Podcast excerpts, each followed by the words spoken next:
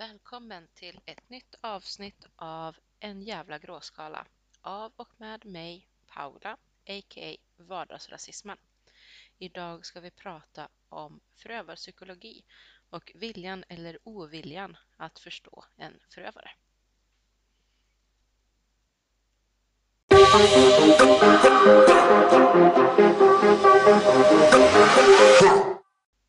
När någonting stort och hemskt har hänt, ett terrordåd, en seriemördare, eh, serievåldtäktsman eller liknande, så väcks hos de flesta en eh, primitiv lust till eh, hämnd. De allra flesta brukar vara lite av uppfattningen att man vill inte förstå den här förövaren. Man har inget intresse av att veta varför han gjorde det han gjorde eller vem han är, vad hans bakgrund har varit. Man är arg och man vill få vara arg. Jag kom in lite på det här i första avsnittet när vi pratade om barn med eh, autism och liknande. Att eh, vissa som hade debatterat det här, att det skulle vara vanligt i skolans värld att man ursäktar framförallt pojkar med autism eller ADHD eller liknande eh, i deras våld eller att de var stökiga med, med deras diagnoser så var det fler än en som tyckte liksom att det är ointressant varför barnet gör det den gör. Man vill inte veta orsaken bakom att ett barn har slagit ens eget barn. Man vill bara få vara arg och tycker man har rätt att få skälla ut barnet som har varit dumt. Och lite på samma sätt resonerar många när det kommer till eh, vuxna förövare och det är ju igen framförallt män som är de här vuxna förövarna. Vissa tycker till och med att man som kvinna framförallt eh, är lite udda, konstig på olika sätt om man är intresserad av eller fascinerad av brottslingar. I synnerhet kanske då seriemördare som på olika sätt har torterat, våldtagit och mördat kvinnor. Jag tillhör den kategorin då kvinnor som gillar det här med mord att grotta ner mig i olika typer av mord för att försöka någonstans få en bild av förövaren. Vem var han eller dem? Vad drev dem till de här grejerna? Vad, vad fanns det för lustar eller viljor hos de här som ledde fram till de här morden, seriemorden, massmorden eller vad det nu kan ha varit? Det gör att jag ser mycket dokumentärer, filmer, eh, serier, lyssnar på mordpoddar och så vidare där man på olika sätt berättar om övergreppen eller morden som har skett. Och ganska ofta gör man det med en hel del detaljer också kring hur morden har gått till. Och det finns väldigt delade åsikter om det här, att varför spelar det någon roll med detaljerna? Och jag skulle säga att det är väldigt viktigt på många sätt för att det säger så mycket om mördaren.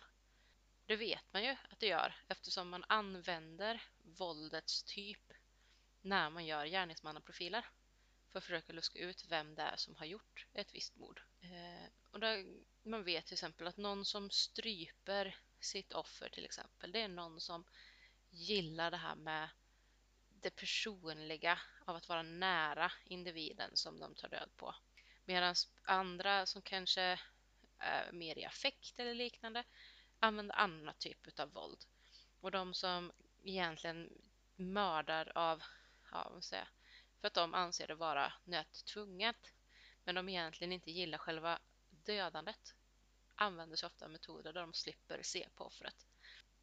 Men det säger också en hel del kring när förövaren försöker att skylla ifrån sig, för det försöker de flesta ändå. Att eh, har det varit långdragen tortyr till exempel så går det inte att säga att eh, det inte var med flit, att de inte visste vad de gjorde eller den inte, han inte visste vad han gjorde. För det är ju så att du råkar inte tortera en annan människa i timmar, i vissa fall, fall kanske i dagar, utan det är ju någonting man gör medvetet för att man vill göra en annan människa illa. Men det är ju inte så lätt det här som att det finns ett allmängiltigt intresse i att veta någonting om förövarna. Att man eh, gör djupgående bakgrundskontroller på var och en av några mer så uppmärksammade mordfall eller liknande. Utan det finns ju också tydliga strukturer i övrigt kring samhället och bilden utav det här, vem är förövaren? Vad hade han för psykisk ohälsa eller liknande? Vi är väldigt mycket bättre på att grotta ner oss i bakgrunden hos en massmördare, seriemördare eller liknande när det är en vit man. Det kan vi inte förneka. Då görs det mycket, mycket djup, mer djupgående kontroller av vad det var för människa och man försöker i mycket större utsträckning att hitta orsakerna utanför mannen själv. Det är då vi får de här berättelserna om barndomstrauman, det var hemska föräldrar, det var våldtäkter när han var liten, det var misshandel och misär. Ganska ofta skyller man också på någon olycka mot frontalloben och liknande. Men har vi terrordåd till exempel så försvinner plötsligt den här viljan att veta mer, att förstå mer. Ta situationen i Frankrike när jag hade det här första lastbilsterrordådet med mannen som körde sin lastbil genom eh, julfirandena. Det tog ju lång tid innan det började skrivas någonting mer i media om vem han faktiskt var. Och det var ju en liten allmän sån här inställning att det behöver man inte veta. Han hade ju skriv, skrikit Gud är störst, Allahu Akbar. Han hade eh, haft Koranen eller något sånt där. Alla var väldigt överens om att jo, men han var eh, radikal islamist. Det var det det hela handlade om och det var allting man behövde veta. I svensk media skrev man knappt någonting alls om hans bakgrund, man bara slog fast att han var en muslimsk terrorist. Så det var för egen del i alla fall först i brittisk media som citerade fransk media som det kom fram till exempel att eh, han hade haft svår psykisk ohälsa, han var alkoholist, han hade nyligen separerats ifrån sin fru eftersom han misshandlade henne grovt. Han hade inte alls varit någon djupt troende muslim överhuvudtaget. Däremot så hade han suttit på den lokala puben bara typ dagen innan och pratat om att han skulle se till att bli känd. Folk skulle minsann få se, de skulle få läsa om hans namn i tidningarna, han skulle lämna ett avtryck och det var det enda han kunde prata om i princip. Och då skulle hans fru förstå ungefär vad hon hade gjort. Eh, så det fanns ju betydligt fler mer komplexa mekanismer bakom än att han bara på något sätt skulle varit en fanatisk muslim eller islamist. Men det skrev man inte speciellt mycket om. Det var inte speciellt intressant i media. Utan det räckte som en enkel förklaring att han hade blivit duperad av is eller någonting och ville bara skada människor. Medan tar vi eh, Jeffrey Dahmer till exempel så finns det långtgående information om vem han var. Eller för i svensk kontext så vet man massor om Anders Eklund. Vi vet ganska mycket om Hagamannen och så vidare. Man har tagit reda på rätt mycket detaljer om deras liv. Och som jag sa tidigare, det här tycker många är onödigt. Varför ska vi göra så här? Det räcker att veta att de här männen är svin. Eller i undantagsfall då kvinnorna är svin. Men det är viktigt att försöka förstå de här förövarna. För genom att försöka förstå dem så kan vi också försöka förstå mekanismerna som leder fram till de här händelserna och därmed också försöka hitta taktiker för att helt enkelt minska risken att den här typen av brott sker. Och det är ingen enkel fråga. Det är tunga grejer att läsa och höra om och så vidare, men det är viktigt. Och det gäller också för att kunna förstå offren faktiskt. För egen del så tror jag att en stor del i att jag så länge har varit så fascinerad av de här berättelserna är för att det har hjälpt mitt eget läkande från all, alla övergrepp jag själv har varit med om. Att någonstans få den där lilla bekräftelsen att nej, jag är inte ensam. Att veta att hur jävligt saker och ting än har varit så finns det andra som har det lika jävligt eller kanske till och med värre. Och att det faktiskt betyder också att övergreppen inte är mitt eget fel. För att det finns människor som bara vill ont. som kanske själva har en hemsk bakgrund men där de på grund av det har valt att försöka hantera sin ångest eller sitt mörker genom att utsätta andra för det, den smärtan de själva känner. Det här gör att jag tror att det faktiskt är viktigt att tillåta oss att grotta i de här hemska fallen. Även i de vidrigare detaljerna som så tydligt visar att det handlar om medvetna handlingar från förövarna. Och för att tillåta oss att veta att även i de mörkaste stunderna så är vi inte ensamma. Och också för att de här berättelserna gömmer berättelserna om offrens psykologi. Om de olika taktiker som offren tar till, både de som överlevde och de som inte överlevde. För att helt enkelt klara sig. Hur olika det kan vara som man agerar när man tror att man ska dö. Eller hur olika man hanterar att ha blivit våldtagen. Att det inte finns en sanning, så här agerar alla. Och det tycker jag syns väldigt tydligt i till exempel berättelsen om eh, Picton, en kanadensisk seriemördare som även var våldtäktsman, som regelbundet åkte till eh, lokala Red Light District kan man säga, och köpte övergrepp av prostituerade. Och han var välkänd bland de prostituerade som en eh, farlig människa, en hemsk människa. Men människor var desperata och gick ändå med på att sälja sex till honom eller sälja övergrepp till honom. Och eh, där tog det extremt lång tid innan polisen började ta alla försvinnanden som han var inblandad i på allvar. För att det var ju bara prostituerade som försvann. Och även när man väl började undersöka närmare vad det var som hade hänt och började hitta överlevare som ändå kunde peka ut den här Picton som, som farlig på olika sätt så ville man inte riktigt ta det seriöst. Mycket motiverat i att de inte hade reagerat på rätt sätt. Vissa hade slagits för mycket, andra hade slagits för lite. Eh, de hade olika berättelser om hans tillvägagångssätt. De hade själva hanterat eh, traumat efteråt på helt olika sätt och så vidare och så vidare. Att de tyckte inte att det fanns en tillräcklig enhetlighet i det hela för att ta det seriöst. Det var till och med en tjej som överlevde att få sin mage uppskuren som eh, sen inte vågade vittna i rätten mot den här Picton. Och då la man ner allting emot honom. För dök inte hon upp så tyckte man att då hade man inget case och då la de ner och han gick fri och han mördade ytterligare några kvinnor innan han åkte fast.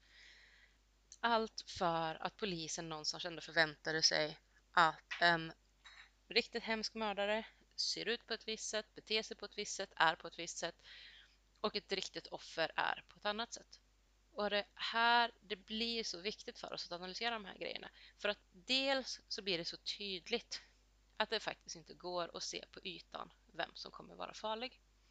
Någonting som är jätteviktigt att betona gång på gång på gång eftersom det fortfarande ligger kvar en seg, seg myt om att det på något sätt skulle gå att förstå eh, genom utseende beteenden eller någonting att någon kommer vara farlig i en relation.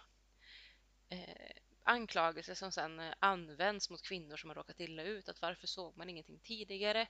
Varför gick man in i relationen? Märkte man inte mycket snabbare? Att man tycker att det borde ha funnits varningssignaler redan vid första dejten och så vidare. Och så är det inte. Hos vissa personer, ja, kanske. Men det är ju inte de kufarna liksom som eh, folk redan på mils avstånd tycker är udda som i slutändan blir de farligaste. Utan det är de som på ytan upplevs som trevliga, välordnade, schyssta människor. Det, om vi tar travtränaren i Sverige till exempel som var omtyckt som folk tyckte var en vanlig Svensson liksom. Villa, ungar och så vidare och som ändå i slutändan tog beslutet att mörda sina egna barn och sen sig själv för att hämnas på sin exfru. Det är inte en vettig person som gör så. Inte ens i sin mörkaste depression är det okej okay att ens börja tänka den typen av tankar. Och ändå märker man hur folk försökte att ursäkta det här med att han måste ha mått så fruktansvärt dåligt. Att han måste ha trott att han gjorde sina egna barn en tjänst genom att döda dem. Trots att han själv ändå liksom i sin livesändning är ganska tydlig med att han inte har den minsta tanke på barnens väl och ve. Det handlar om att han vill skada sin exfru. Och att han tar sitt eget liv har inte heller mycket att göra med någon egentlig skuld över att han har skjutit sina barn till döds. Utan det är någonting han uttrycker mer som ett måste för han vill inte sitta i fängelse. Det är som sagt inte en frisk människa som gör så, men det är ändå inte en ursäkt. Man kan hitta förklaringar i hans mående, i hans tidigare beteenden kanske, men det är inga ursäkter. Och det är också viktigt att ta med sig när man diskuterar kring förövares psykologi och även brott, eh, brottsoffers psykologi. Att vad en förövaren har varit med om i sin bakgrund, vilka känslomässiga skador han än har, så är det ingen ursäkt. Det kan förklara väldigt mycket av beteendena, men det är aldrig en ursäkt. För i slutändan så är man ju ändå alltid själv fullständigt ansvarig för sina handlingar. Det enda undantaget är väl möjligtvis då någon form av psykos man inte längre har någon som helst aning om vad man sysslar med. Men har man lite koll, så som de allra flesta seriemördare till exempel ändå har, så är man ansvarig för sina egna handlingar. Oavsett vad det är i ens mående som kan ha bidragit till att man har bestämt sig för att börja döda andra människor. Så det går inte att hävda en tuff barndom eller what not som en ursäkt, för det finns ingen ursäkt. Men genom att få förståelse för psykologin så kan vi bättra våra förutsättningar att eh, motverka de här typen av händelser. Men vi kan också använda det till att förstå behovet av rehabilitering eller möjligheterna till rehabilitering om de finns överhuvudtaget. Det varierar ju beroende på situation. Att eh, faktiskt någonstans tänka att straff är inte nödvändigtvis den mest effektiva eller bästa lösningen för att minska grova brott. Tvärtom kan eh, straff många gånger ha en eh, försvårande effekt. Att eh, personer blir mer benägen att ta till grovt våld eller till och med mord för att förhindra att åka fast. För att reaktionen på straff är ju att göra en riskkalkyl. Och då tar man till de medel som krävs för att inte åka fast. Vilket betyder att någon som till exempel våldtagit en kvinna och kanske hade kunnat tänkt sig att låta henne leva kan bli mer benägen att faktiskt mörda henne för att inte åka fast för en våldtäkt. Om straffet anses vara eh, för svårt. Om det blir för nära i straffsats att det inte gör egentligen så stor skillnad om man åker fast för en våldtäkt eller om man åker fast för ett mord, och då tar man ju risken att åka fast för ett mord över att åka fast för en våldtäkt eftersom vid en våldtäkt så finns det ju ett offer som kan berätta, vittna. Det gör inte vid ett mord. Det är lägre risk att åka fast i det läget. Alltså tar man möjligtvis då alternativet att mörda någon. Men för att försöka sammanfatta det hela så vi, vi behöver faktiskt försöka förstå vad som driver seriemördare, även om det känns jobbigt. Vi behöver försöka förstå vad som drev en terrorist. Men vi behöver också förstå hur olika offer kan reagera på att bli utsatta och att det helt enkelt inte finns några enkla svar till det här. Det är kort och gott en jävla massa gråzoner. Men vi ska också ta med oss att inte döma det faktum att vi är många kvinnor som gillar den här typen av diskussioner och att grotta ner oss i förövarpsykologi av en rad olika skäl som jag nämnde innan. Eh, men det handlar ju om att skydda sig själv till viss del. Att förstå mer om sin egen utsatthet, om andras utsatthet och ja, som sagt, det här att inte vara ensam om att bli utsatt. Att kunna placera skulden där den hör hemma, hos förövaren. Och med detta tackar jag för idag och hoppas att ni vill lyssna igen om ungefär en vecka när nästa poddavsnitt kommer upp. Glöm inte att ni gärna får tipsa om ämnen ni skulle vilja höra mer om eller eventuella gäster ni skulle vilja höra i podden. Det kan ni göra via Instagram eller Facebook där ni hittar mig under vardagsrasismen. Så ha det bra så länge så hörs vi igen. Hej då!